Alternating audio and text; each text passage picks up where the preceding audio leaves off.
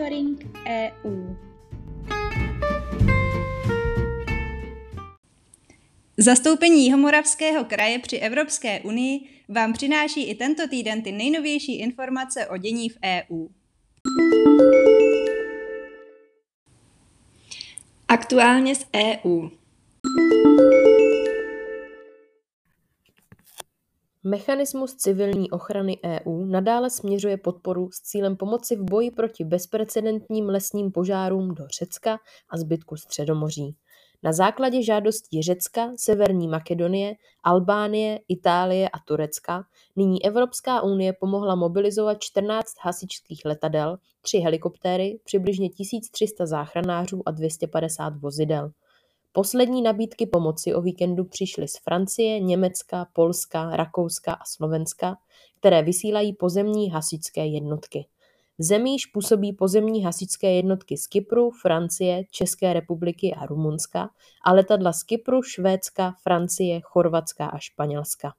Mimořádný satelit EU Copernicus navíc pomáhá poskytovat monitoring hodnocení škod zasažených oblastí v Severní Makedonii a Řecku. Šéf hlavní polské vládní strany Právo a spravedlnost Jaroslav Kačinský v sobotu ohlásil, že kontroverzní disciplinární komora Nejvyššího soudu, která rozhoduje o postavení soudců a prokurátorů, o jejich trestním stíhání a případném uvalení vazby a která je součástí sporu Varšavy s Evropskou unii, bude zrušena. Brusel vzal kroky Varšavy na vědomí a nyní je bude analyzovat. Evropská komise také očekává, že Polsko do 16. srpna poskytne informace, jak bude zaručeno naplňování rozhodnutí Soudního dvora EU. Případ disciplinární komory je součástí širšího sporu, který už několik let vede Brusel s Varšavou o soudní reformu. Ta má podle polské vlády zvýšit efektivnost soudů a zbavit je pozůstatků komunismu. Kritici však reformě vyčítají, že posiluje politický vliv současné vlády na justici a omezuje nezávislost soudů. Česko patří se svým množstvím dobíjecích stanic pro elektromobily do průměru EU. Tuzemských 1125 dobíjecích míst ovšem tvoří pouze 0,5% z jejich celkového počtu v Unii. Vyplývá to z interaktivní mapy Evropské asociace výrobců automobilů. Rychlejšímu budování infrastruktury pro elektromobily v Tuzemsku brání nízký zájem lidí a zejména firem o elektrická vozidla. Aktuálně je zde registrováno kolem 10 tisíc aut na elektrický pohon, počtem dobíjecích stanic zaujímá Česko v EU 14. místo. Na samotném vrcholu žebříčku se drží Nizozemsko, Francie a Německo.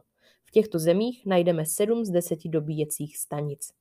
Nejhorší je naopak situace na Kypru, Maltě a v Litvě. Elektromobilita je aktuálně jedním z velkých cílů ekologizace dopravy některých zemí EU, včetně České republiky. Ta chce do roku 2030 počet elektromobilů zvýšit na 100 tisíce. Zprávy z evropských institucí.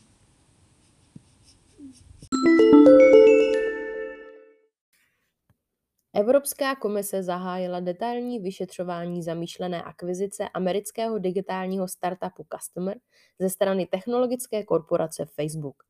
Rozhodnutí by mělo padnout na konci letošního roku. Jedná se o přelomový počin, neboť Evropská unie byla doposud relativně benevolentní k akvizicím prováděným velkými technologickými korporacemi, obzvláště v případech docházelo-li k ním mimo území unie. Plánovanou akvizicí se již od února zabývá americký antimonopolní orgán, od března australské orgány a od konce července rovněž příslušné britské instituce. O vyšetřování informovala ve svém článku spravodajský portál Politico. Dle autora dává komise asertivní reakcí najevo, že Unie chce přistupovat přísněji proti tzv. killer acquisitions, tedy akvizicím, jimž velké korporace pohlcují nadějné nově vznikající inovativní startupy a posilují jimi svoji tržní dominanci. Litevská vláda hodlá na hranici s Běloruskem vybudovat stovky kilometrů dlouhou bariéru, která má stát více než 100 milionů eur. Evropská komise považuje plán litevské vlády na výstavbu plotu za dobrý nápad, nebude se však podílet na jeho financování.